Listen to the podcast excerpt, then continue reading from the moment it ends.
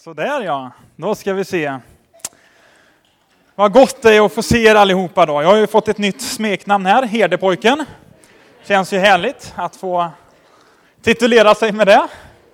Eh, Martin heter i alla fall jag och jobbar alltså som pastor i församlingen. Eh, det är en förmån varenda gång man får predika. Jag tycker det är både en stor glädje eh, men också en stor förmån att få göra det, få dela Guds ord och få, eh, få visa människor vem Jesus är.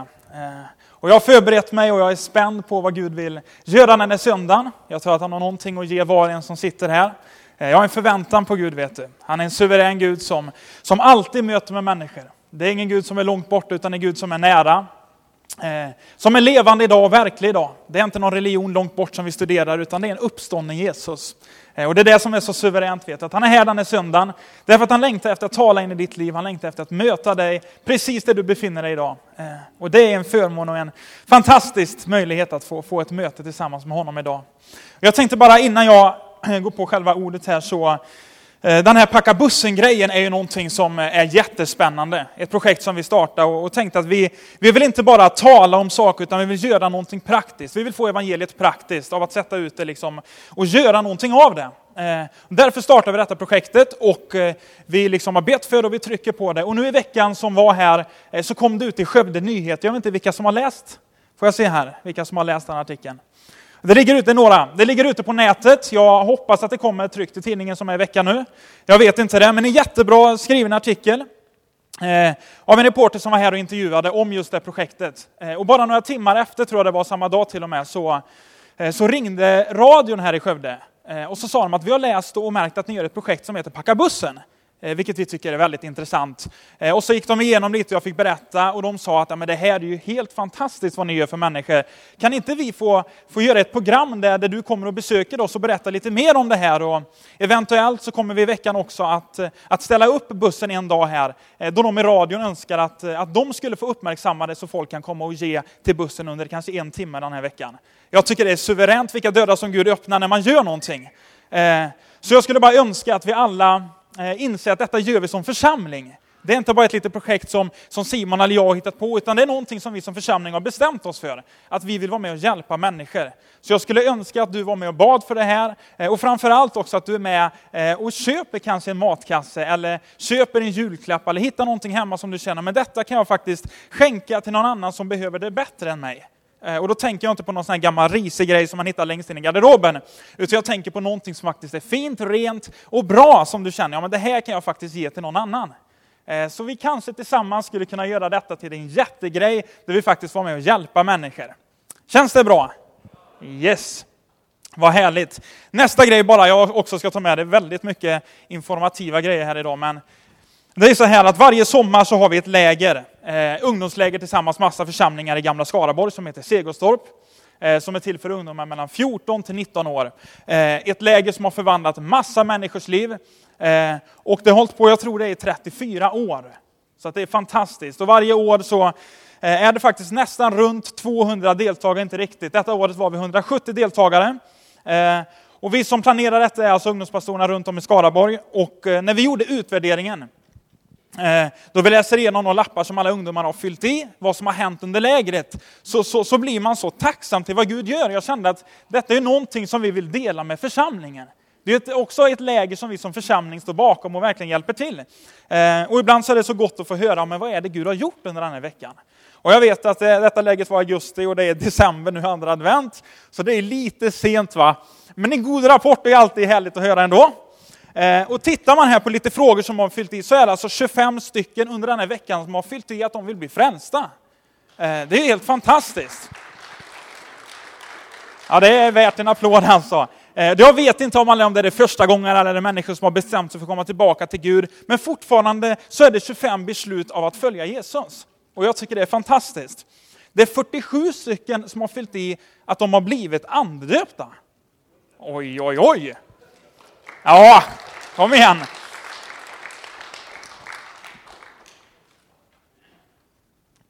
Du vet 47 människor, och då kanske någon som har skrivit om jag har fått tag på tungotalet, någon skriver om jag har blivit döpt den helige ande. Men 47 människor, det är ju fantastiskt vad Gud gör. 39 stycken har fyllt i att de under den här veckan har blivit helade. Eh, och det kan vara fysiskt eller själsligt. 39 stycken! Ja. Ja, härligt med lite applåder så här. Du vet, tänk att Jesus kliver in och gör mirakler. Faktiskt varenda kväll i stort sett under lägret får man höra människor på något sätt har fått uppleva någonting som Jesus har gjort. Det kan vara att man får eh, bli fri vet du, från huvudvärk, eller man har smärta i en axel, eller man kanske har problem själsligt och har massa sår på insidan. Det Jesus kommer och bara läker allt det där. Och då tänker de så här, men vadå lite huvudvärk? Ja, men det är inte så lite.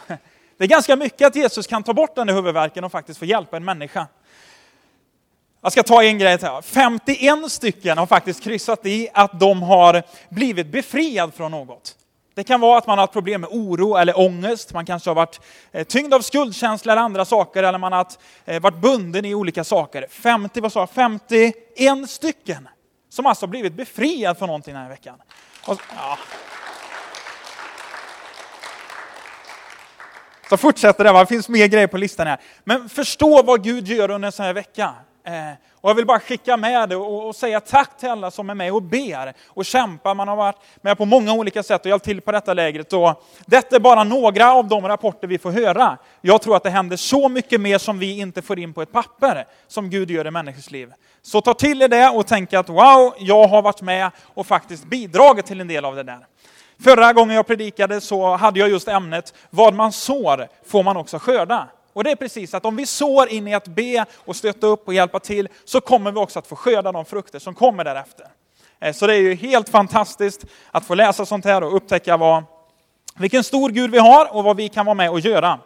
Eh, idag så är det ju andra advent och jag har en predikan som inte alls handlar om andra advent kanske. Eh, men jag har ett spännande ämne som jag tror Gud har lagt på mitt hjärta, som jag ska dela med er idag. Och min rubrik heter, nu ska vi se om det kommer upp här, Vakta din tunga ett, det här är ett spännande ämne. Jag bara älskar det. Vakta din tunga heter det i alla fall. Och eh, Bibeln vet du, den är full, full av, av eh, områden och avsnitt där den talar om att du och jag behöver vakta våran tunga. Tänka på vad vi säger, hur vi säger det, hur mycket vi talar eh, och många olika områden. Jag tänkte idag så ska vi gå igenom lite vad faktiskt Guds ord säger om våran tunga och hur vi kan använda den. Eh, jag tror det är väldigt spännande att få, få tag på Guds ord. Vi ska se om, det, om vi får ordning på någonting här.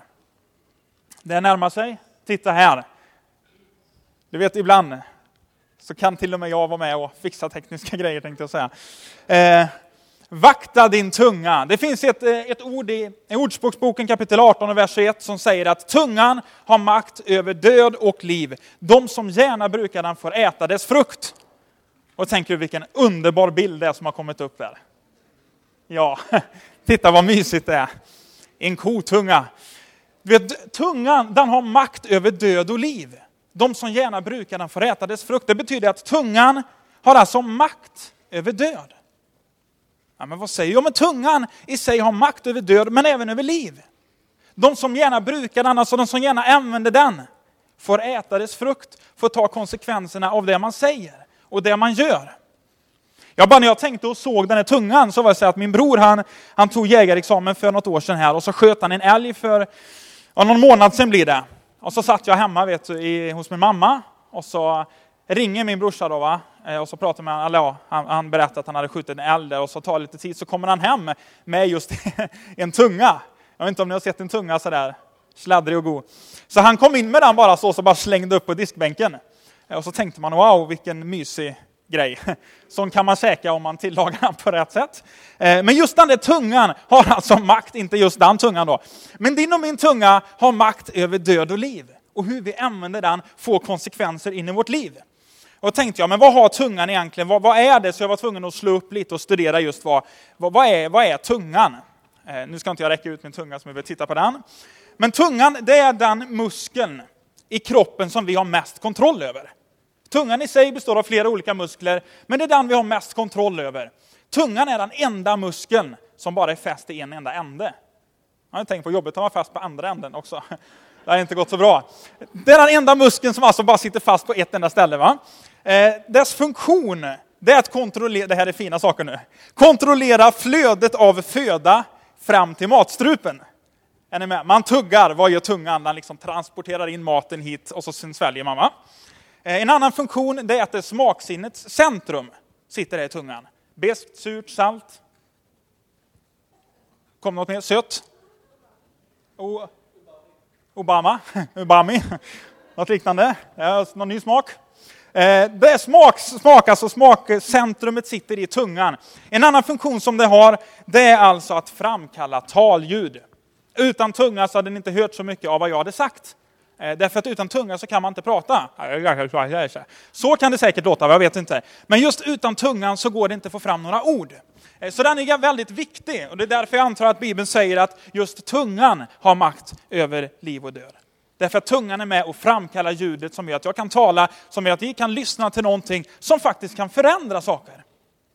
Eh, och det är otroligt spännande Eh, att se och läsa. Vi ska läsa ett litet bibelstycke, det kommer upp på skärmen här också. Det står i Jakobs brev från kapitel 3 och vers 1 till 12. Ett lite längre stycke, men vi ska utgå från det idag. Eh, och det är alltså Jakob som har skrivit här. Och han skriver så här, mina bröder, inte många bör bli lärare ni vet ju att vi ska få en strängare dom. Vi begår alla många fel. Om någon inte felar i sitt tal, så är han en fullkomlig man som också kan tygla hela sin kropp. När vi lägger betsel i munnen på en häst för att han ska lyda oss, så styr vi också hela hans kropp. Se också på fartygen som är så stora och drivs av hårda vindar. Ändå så styrs det dit rorsmannen vill med ett mycket litet roder. Så är också tungan, en liten lem, men kan skryta över stora ting. Tänk på en liten eld kan antända en stor skog. En sådan eld är tungan, en värld av ondska bland våra lemmar. Den smutsar ner hela vår kropp och sätter tillvarons hjul i brand och är själv antänd av Gehenna. Alla slags fyrfotadjur, fåglar, kräldjur och vattendjur låter sig tämjas och har blivit tämjda av människan. Men tungan kan ingen människa tämja, ostyrig och ond som, den, ond som den är och full av dödligt gift. Med den välsignar vi Herren och Fadern, och med den förbannar vi människorna som är skapade till Guds avbild. Från samma mun kommer välsignelse och förbannelse. Så får det inte vara, mina bröder. Inte kan väl en källa från samma åder ge både sött och bittert vatten? Mina bröder, inte kan väl ett fikonträd bära oliver eller en vinstock fikon? Inte heller kan en salt källa ge sött vatten. Ett väldigt spännande avsnitt just om tungan som Bibeln använder här. Och det första jag vill ta upp är att den säger så här, eh, när vi lägger betsel i munnen på en häst så styr vi alltså hela kroppen. Hur många här inne har ridit någon gång? Jag har en gång ridit. Eh, men jag satt då på hästen och så gick någon annan och ledde hästen. Jag vet inte om man kallar det för att rida då, men jag satt i alla fall uppe på hästen. Eh, men jag har inte riktigt provat den här funktionen med att dra i, liksom, i det här betslet och kunna styra den vänster, höger och stanna och upp och ner. Och, eller upp vet jag inte, säger man. Eh, men ni vet sådär funktionen med ett betsel. När man lägger in det där lilla betslet så styr man över hela hästens kropp.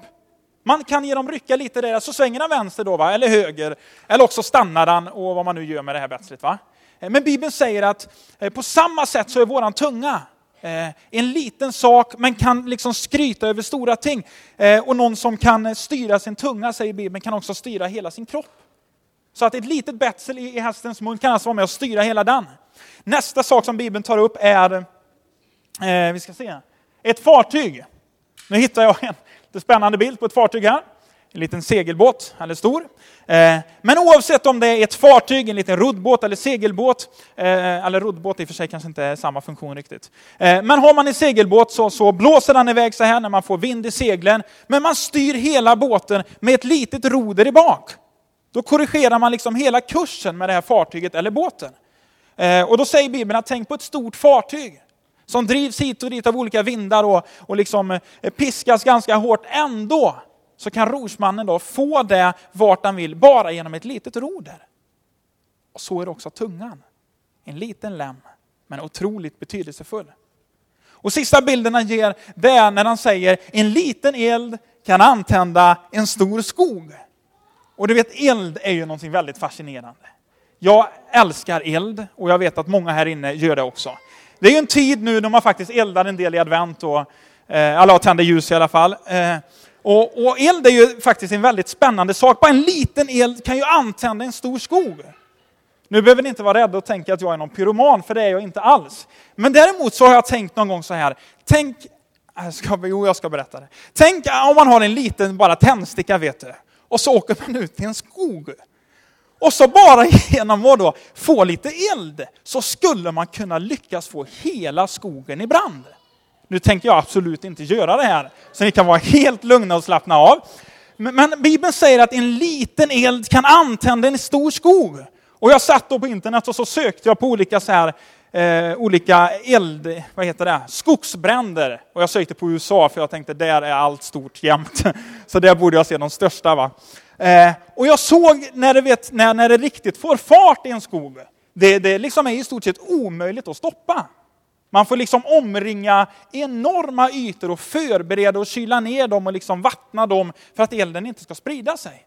När han kommer upp i de här storleken så har man liksom inte så mycket av att stå med en liten hink där och tänka, här ska jag bara fixa ordning på det jag lyckades antända. Va? Utan då känner man, oj det här är liksom utan kontroll. Vi behöver enorma resurser för att få stopp på det här. Och på samma sätt så säger Bibeln, din och min tunga är en väldigt liten lem, men den kan utföra enorma saker. Du och jag kan faktiskt styra vår framtid i stort sett med vad vi säger. Olika sammanhang kan förändras genom hur vi talar, på vilket sätt vi talar och framförallt vad vi säger. Tungan är väldigt viktig. Eh, därför så behöver vi vakta vår tunga. Eh, vi ska titta här. Min första rubrik här är Tänk på vad du säger. Det är väldigt viktigt att vi tänker efter vad vi säger. Jag är en kille som eh, pratar ganska mycket och ganska fort. Jag behöver verkligen tänka på vad jag säger, hur jag säger det och hur fort det går när jag säger det. Eh, men vi ska börja med punkt nummer ett här. Tänk på vad du säger. Det står i Saltaren, eh, vers, eller kapitel 34 och vers 13 och 14. Så står det så här att, är du en människa som älskar livet och vill se goda dagar, avhåll då din tunga från det som är ont, dina läppar från att tala svek. Är du en människa som älskar livet och vill se goda dagar? Får jag se om det finns några sådana människor här? Ja, de flesta älskar livet och vill se goda dagar. Jag tänker också, jag älskar livet, jag vill se goda dagar. Jag vill ha det fantastiskt. Vad ska jag göra då? Avhåll min tunga från att tala det som är ont, från dina läppar att tala svek. Vi behöver tänka på vad vi säger. Därför att annars så blir vårt liv faktiskt inte gott. Ni vet, jag vet inte om ni i och för sig har varit med i något sammanhang någon gång där någon har talat skvaller eller lite skitsnack. Plötsligt ska man sänka hela stämningen genom att man bara säger fel sak. Eller hur någonting kan dämpas genom att man råkar säga fel ord som sårar en människa. Och de där orden som var så små men ändå får sådana enorma konsekvenser. Det bara slank ur mig det där. Och hur ska jag rätta till det? Det kan ta lång tid att rätta till det där. Tänk på vad du säger. Ett annat bibelord som står i Ordspråksboken. Jag kan ta det här. I kapitel 13 och vers 3 så står det, den som vaktar sin tunga bevarar sitt liv. Den lösmynte råkar i olycka. Alltså den som vaktar sin tunga bevarar sitt liv. Visst vill, vill vi bevara våra liv. Självklart. Vad ska vi göra då? Vakta våran tunga. Tänka på vad vi säger. Det finns så mycket. I kapitel 21 och vers 23, är också Ordspråksboken, så står den som vaktar sin mun och sin tunga bevarar sitt liv från svårigheter. Visst är det härligt? Den som vaktar sin tunga, den som tänker på vad han säger, den som inte bara liksom mal konstant hela tiden och inte tänker på vad han säger, utan den som gör det, tänker på vad han säger, den som vaktar sin tunga, det är den som bevarar sitt liv du och jag behöver tänka efter på hur mycket vi talar och vad det är som kommer ut ifrån våran mun. I första Timoteusbrevet, i kapitel 5 och vers 13. Det blir rena bibelstudiet här idag vet ni. Så står det så här, och inte nog med det. Det här är ett sammanhang när man faktiskt eh, eh, förmanar. Eh, jag tror att detta är yngre änkor. Ska se här. Det är lite spännande. Bäst jag slår upp det så att vi är helt i linje med vad vi ska säga här. Första Timoteus 5 eh, och vers 13. Just det, är yngre änkor, men jag tror det här gäller oss också, alla människor här. Så står det på samma gång, jag läser lite tidigare här. På samma gång så lärde sig att vara lata när de går omkring i husen, och inte nog med det. De lär sig också att vara skvalleraktiga och nyfikna och att prata om sådant det borde tiga med. Just det, du och jag behöver tänka efter på att vissa saker behöver vi tiga med. Vissa saker behöver vi inte prata om eller med andra om. Utan ibland så gäller det att vi faktiskt behöver knipa igen. Det är lätt att man vill prata om det faktiskt som, som inte andra ska höra också. Det är lite intressant att föra saker vidare. Men du och jag behöver tänka efter och, och ibland faktiskt bara bli tysta och säga okej, okay, det där behöver stanna där och jag ska inte prata vidare om det. Vi ska inte vara skvalleraktiga, utan tvärtom så ska vi vara de som för goda saker vidare. Men det som är rykten, det som är skvaller, det borde stanna i våran mun och inte komma ut därifrån. Eh, I andra Timoteusbrevet, kapitel 2, vers 14 17.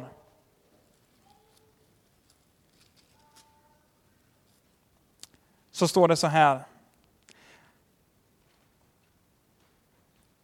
Påminn om detta och uppmana dem allvarligt inför Gud att inte strida om ord.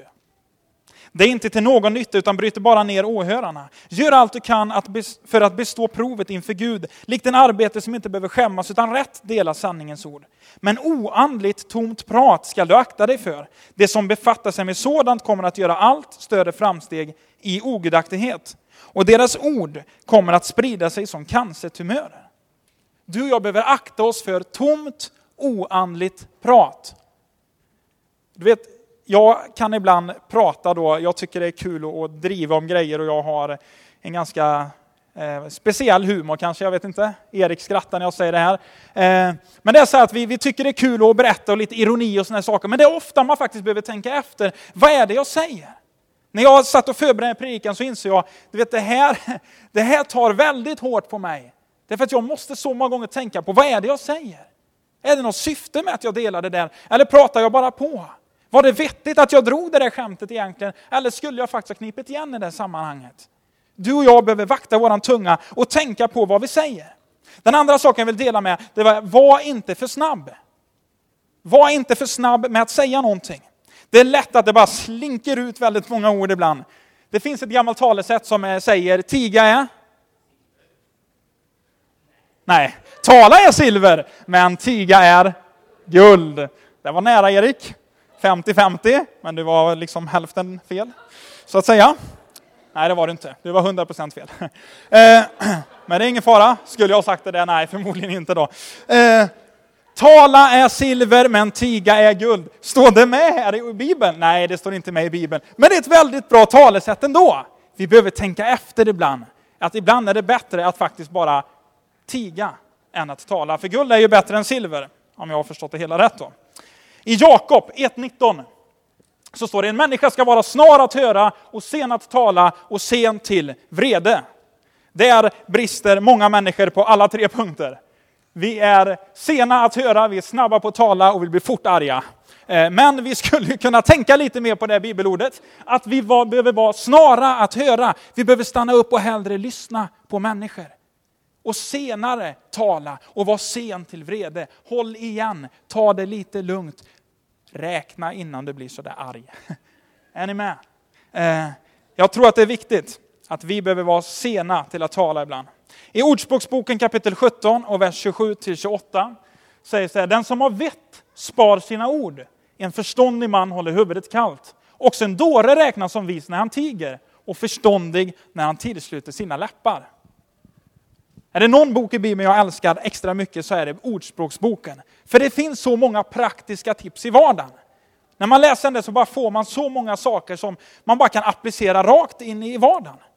Och jag tror det finns ett syfte med att Ordspråksboken har 31 kapitel och månaden har 31 dagar. Därför att vi ska läsa ett kapitel i Ordspråksboken varje dag. Och så får man det i funktion i sina liv. Tänk på den, den är väldigt bra. Eh, men människa, alltså Bibeln säger här att en dåre räknas också som vis när han är tyst. När han tiger, när han inte talar. Och den som har vett, han spar sina ord. Han mal inte hela tiden, han tänker faktiskt efter.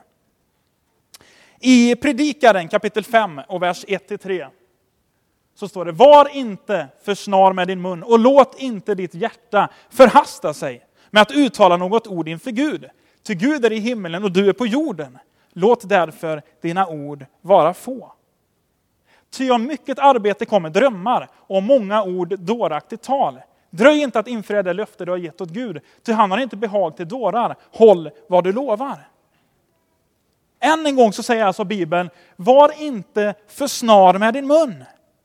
Var inte för snabb. Tänk efter innan du säger någonting. Och låt inte ditt hjärta förhasta sig med att uttala något inför Gud. Till Gud är i himlen och du är på jorden. En uppenbarelse för vissa nu. Du är på jorden, inte i himlen, även om man kunde tro det. Eh, du är på jorden. I Ordspråksboken kapitel 10 och vers 19 så står det att där orden är många uteblir inte synd. Vis är den som styr sina läppar. Nu finns det de som tänker det var otroligt vad många bibelord han hittade om tungan här och orden. Och jag har bara plockat ett litet liksom, axplock här av alla de som finns. Men vis är den som styr sina ord och sina läppar. Du och jag behöver alltså inte vara för snabba utan tänka efter lite innan vi säger någonting och vara visa och styra våra ord. Den tredje eh, rubriken är Det finns kraft i dina ord. Nu har man tänkt efter det, att vi ska inte bara snacka, va? utan vi ska tänka efter. Vi ska inte vara för snabba, utan vi behöver verkligen styra det vi säger. Så säger det finns då väldigt kraft i vad du säger. När Gud skapade allting så står det i första Mosebok kapitel 1 och vers 3, då Gud sade, var det ljus och det blev ljus. Gud talade ut någonting och det blev till. Han sade var det ljus och så blev det ljus. Visst är det fascinerande? Det står Gud sade var det ljus och det blev ljus. Fortsätter vi framåt i vers 11 så säger Gud, jorden ska frambringa grönska och fröbärande örter. Fruktträd som efter sina slag bär frukt med frö i sig ska växa upp på jorden. Och det skedde så. Gud sade och så talade han ut och så skedde det så. Det finns en otrolig makt i att när Gud talar ut någonting. Och det finns en otrolig makt i när du och jag talar ut någonting. Vi ska slå upp Markus. I Markus kapitel 1 och vers 40 till 42 så står det så här, en spetälsk kom fram till Jesus, till honom då, Jesus, och föll på knä och bad, om du vill så kan du göra mig ren. Jesus förbarmade sig över honom, räckte ut handen och rörde vid honom och sade, jag vill bli ren. Genast försvann spetälskan och han blev ren. Ja, men kunde inte Jesus bara nuddat honom? Det kunde han säkert, men vad gjorde han? Han sa, jag vill! Och så sa han, bli ren! Direkt försvann spetälskan. Det finns en otrolig makt i orden vi talar ut. Och när vi talar ord i överensstämmelse med Guds ord så kan du och jag vara med och förändra situationer. Nu börjar det bli otroligt spännande här. Och jag tror att om du får tag på det här idag så kommer du kunna förändra så många saker. När du får tag på vad Guds ord innebär och faktiskt du kan vara med och tala ut saker i enlighet med Guds ord. Om vi tittar i, i Markus, vi hoppar fram ett kapitel till kapitel 2 och vers 11. Här har vi precis ett tillfälle där eh, det här är ju ett otroligt härligt, nu gick jag igång på det bibelstället också. Det är en lam man som har fyra vänner som bär honom till Jesus. Han kan alltså inte gå, det är det som händer när man är lam. Eh, men det är så mycket folk som lyssnar på Jesus så att de kan inte komma fram till honom. Så att de plockar bort taket, vissa känner till berättelsen, och så hissar de ner den lame mannen. Eh, du vet, det här, den här tron älskar jag. Och så hissar de ner honom framför Jesus. Och så säger och så händer det lite grejer. Och i vers 11 så säger Jesus så här, att till dig säger jag, stig upp, ta din bädd och gå hem. Då steg mannen upp, tog genast sin bädd och gick ut inför allas ögon. Och alla blev utom sig av häpnad och prisade Gud och sade, något sådant har vi aldrig sett. Vad sade Jesus? Stig upp, ta din bädd och gå hem. Ja, men han var ju lam. Ja, men Jesus talade ut någonting och plötsligt så hörde han det, tog upp sin bädd och gick därifrån. Det måste ha varit ett ganska spännande liksom, tillfälle. Kan ni tänka att det sitter så här många eh, gånger liksom 15 här inne då? Så att det är så fullt att man inte kan komma in ens. Det är precis proppfullt. va? Och så plötsligt så, så sänker de ner en man här då, som är lam framför, framför talarna Jesus. Va? Och så, Jesus går inte fram och liksom, eh, liksom kör någon hokus pokus grej här över honom, utan han tittar på honom och säger, stig upp, ta din bädd och gå hem. Och så tar han upp sin bädd och så går han ut. Så, ja, det var det. Förstår ni vilken kraft det finns i Guds ord? Jesus talade ut, stig upp, ta din bädd och gå hem. Mannen reser sig upp, tar sin bädd och så går han hem. Det finns en otrolig makt i din och mina ord. Vi ska gå fram till kapitel 11 i Markus. Och vers 12 till 14. Det är också ett väldigt spännande ställe. Det är lärjungarna och Jesus ute och går och då står det, när om dagen därefter var på väg från Betania så blev han hungrig. Det är Jesus här. På långt håll så såg han ett fikonträd som hade gröna blad. Och han gick dit för att se om det skulle finna eh, för att se om man skulle finna något på det. Men när han kom fram till trädet så fann han ingenting annat än blad. Var det då inte fikonens tid? Jesus sade till trädet, aldrig någonsin ska någon äta frukt från dig. Detta hörde hans lärjungar. Det, det är ganska kul här att Jesus går fram och talar till trädet. Det står så. Jesus gick fram och sa till trädet. Eller hur? Jag vet inte om du har pratat med något träd. Jag har inte gjort det. Men Jesus gick fram och sa detta till trädet och det står hans lärjungar hörde det. Han sa det alltså inte till lärjungarna, han sa det till trädet. Och lärjungarna hörde vad Jesus sa till trädet. Och det, han, han liksom gick fram och så skulle vara han hungrig. Och så bara, åh ett fikonträd, jag älskar fikon, jag är hungrig, jag vill ha fikon. Och så kommer han fram och så finns det inga fikon på fikonträdet. Jesus blir lite arg och säger alltså, aldrig någonsin ska det växa några fikon från dig. Och vad händer då? Jo, lite längre fram i vers 20 så står det när de tidigt på morgonen gick förbi fikonträdet så såg de att det torkat nerifrån roten. Petrus kom ihåg vad som hade hänt och sade till Jesus, Rabbi, se fikonträdet som du förbannade har torkat. Jesus svarade dem, tro på Gud. Amen säger jag er, om någon säger till detta berg, lyft det och kasta det i havet och inte tvivlar i sitt hjärta utan tror att det han säger ska ske, då skall det ske. Amen. Jesus undervisar alltså och säger, om någon säger till detta berg, lyft dig och kasta dig i havet och inte tvivlar i sitt hjärta utan tror att det han säger ska ske, då skall det ske. Alltså finns det en otrolig kraft i att vara med och be ut någonting, tala ut någonting, använda våra munnar. Simon har under den här hösten eh, sagt ett flertal gånger att vi behöver öppna våran mun och börja prisa Gud högt. Vi behöver börja använda våran mun.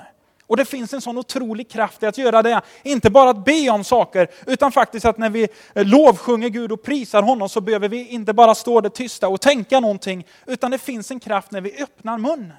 När vi börjar tala ut. När det var bönemöten förr så hördes det att det var bönemöten. Det märktes och det hände saker. Varför då? Därför att man talade ut saker. Man ämnade sin tunga till att prisa Gud. Och Guds ord säger alltså till dig och mig att vi kan vara med och be och faktiskt begära och befalla saker. Och, och vi kommer få se det hända om vi tror på det vi säger. Så att Bibeln säger till och med att, att vi kan tala ut saker som inte finns som om de vore till. Det var vad Abraham gjorde. Va? Ja, men det låter ju, det är ju fanatiskt. Ja, det kan man tycka ibland, men det är vad Bibeln säger. Att vi kan vara med och tala ut saker innan de finns, som om de vore till, så ska de bli till. Visst är det spännande? Och detta är inte någonting som gäller apostlarna bara, eller lärjungar. Det gäller dig och mig idag. Det är en förmån som du och jag har, att vi kan vara med och be ut saker och vara med och se mirakler ske. Jag tänker på ett tillfälle som jag har berättat för er massa gånger, men det var när vi var i Etiopien och vi träffade på en, en döv man som eh, var döv på båda öronen. Och jag kommer ihåg eh, när jag Simon och en man som heter Kjell, han var 80 år tror jag, du vet, det är aldrig för sent att åka på missionsresa. Tryckte fingrarna va, i öronen och så sa vi öra, öron, öppna er. Vi talade ut någonting och plötsligt så öppnade Jesus öronen. Var det vi? Absolut inte. Det var Jesus som gjorde det genom att vi använde våran tunga till att tala ut ett ord i enlighet med Guds ord. Och så hände det.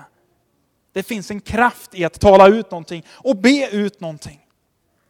När Jesus undervisar här om det här fikonträdet, som är en ganska härlig berättelse, så säger han inte tala om berget, utan han säger tala till berget. Hur ofta talar vi inte om problemen? Jätteofta så talar vi om alla saker som är jobbigt, om sjukdomar, om saker, incidenter, saker som sker. Bibeln säger tala till dem och befall dem i så fall att lämna. Kasta dig i havet. Jesus ger oss en kraft och makt och myndighet här. Och det säger, men vi ska inte vara för liksom upptagna och stolta. Nej, vi ska vara ödmjuka, men vi ska använda det som Gud har gett oss. Annars så är det vad då? Falsk ödmjukhet. Du och jag behöver bli ännu mer överlåtna åt Guds ord och börja lyda Guds ord och leva i vad han har kallat oss till. Vi har fått den möjligheten och vi behöver använda den möjligheten. Du kan alltså vara med och förändra situationer, har jag sagt här. En dag så säger Bibeln så här att vi ska stå till svars för allting som vi talar ut. För varje ord som vi har sagt ska vi stå till svars. Och Bibeln säger i Matteus, jag ska läsa det direkt härifrån, att om ni förutsätter att trädet är bra så är frukten bra. Eller att trädet är dåligt så är frukten dålig. Ty frukten känner man trädet. Huggormsyngel, hur skulle ni som är onda kunna tala något gott? Vad hjärtat är fullt av, det talar munnen. En god människa tar ur sitt goda förråd fram det som är gott och en ond människa tar ur sitt onda förråd fram det som är ont. Men jag säger er att för varje onyttigt ord som människor talar skall det stå till svars på domens dag. Efter dina ord skall du frias och efter dina ord skall du fällas. Det är ganska allvarligt när Jesus säger efter dina ord ska du frias och efter dina ord ska du fällas. En dag kommer vi alla stå inför tronen och vi kommer stå till svars för varje ord vi har sagt. Och det säger du, underbart vad uppmuntrande det blev så här i slutet på predikan. Men det är bara en allvarlig påminnelse om att vi behöver tänka efter vad det är vi säger. Jag skulle önska att när du gick härifrån idag så gick du härifrån faktiskt glad och, och har fått en uppenbarelse om att vad härligt, jag behöver tänka till lite mer innan jag talar. Jag har fått någonting, du behöver inte gå härifrån liksom, eh, nere liksom vid marken och krypa ut och tänka oj vad livet blir tufft. Utan tvärtom kan du tänka wow, nu har jag fått tag på detta, heligande, hjälp mig då så att jag använder mina ord rätt. Hjälp mig då heligande så att jag talar i enlighet med Guds ord. Hjälp mig att styra mina ord och inte vara för snabb. Jag hittade ett citat av Martin Luther. Där han säger så här att du står inte bara i ansvar för vad du säger, utan också för vad du låter bli att säga. Ganska visst. Vad du säger kommer du att stå ansvarig för. Men om du också undanhåller dig att säga sanningen ibland så kommer du stå ansvarig för det också. Det är inte bara för vad du säger utan också för vad du inte säger som du kommer stå ansvarig. Jag vill avsluta med, vi skulle kunna resa oss upp så här bara i slutet. Så. Jag har hållit på ett tag och jag behöver få in lite cirkulation i kroppen här ser jag på er. Jag tror att ni ska spela en låt här. Du får jättegärna komma fram. Eh, så vill jag bara avsluta med att be tillsammans här, därför att jag tror att när jag satt och förberedde så ville verkligen den helige Ande bara påminna oss om att tänka på våra ord. Att vi ska vakta våran tunga. Det är så lätt, jag vet själv, att det slinker ut så många ord. Och ord som ibland är bra, men ord som ibland inte alls är bra. Och vad jag önskar med den här predikan är att du skulle få tag på att vi behöver tänka efter lite oftare.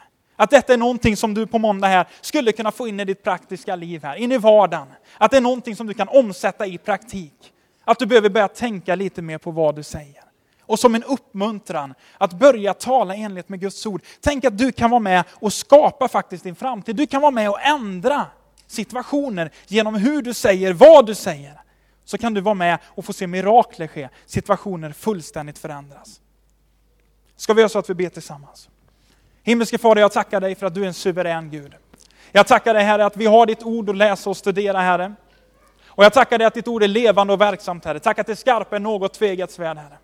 Tack att det formar oss Herre, det skapar i oss Herre och det renar oss Herre.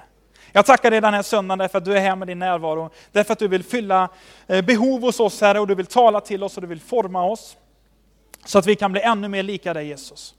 Jag ber Herre att du ska välsigna det ord som nu är predikat Herre. Att det ska få sjunka in i hjärtan Herre. Att det skulle få tala till oss och inte bara bli tomma ord Herre. Utan ord som är fyllda av ande och vishet Herre, ande och kraft Herre. Någonting som faktiskt förändrar oss Herre till att bli ännu mer lika dig. Tack Jesus att du ser var och en som har kommit hit den här söndagen Herre. Du ser Herre vad de bär på Herre. Du ser vad de tänker och vad som händer i deras liv just nu. Tack att du faktiskt möter med människor i denna stunden när vi ber Herre. Tack att vi får ta en stund just nu Herre, när vi också bara får fästa ögonen på dig på nytt Herre. Får lovsjunga dig, får tillbe dig Herre. Och sen kommer vi ta en stund Herre, när vi bara får betjäna människor genom förbön Herre. Eh, och vara med Herre och hjälpas åt och be för människor. Vi tackar dig att du fortsätter leda den här gudstjänsten Herre. I Jesu namn. Amen.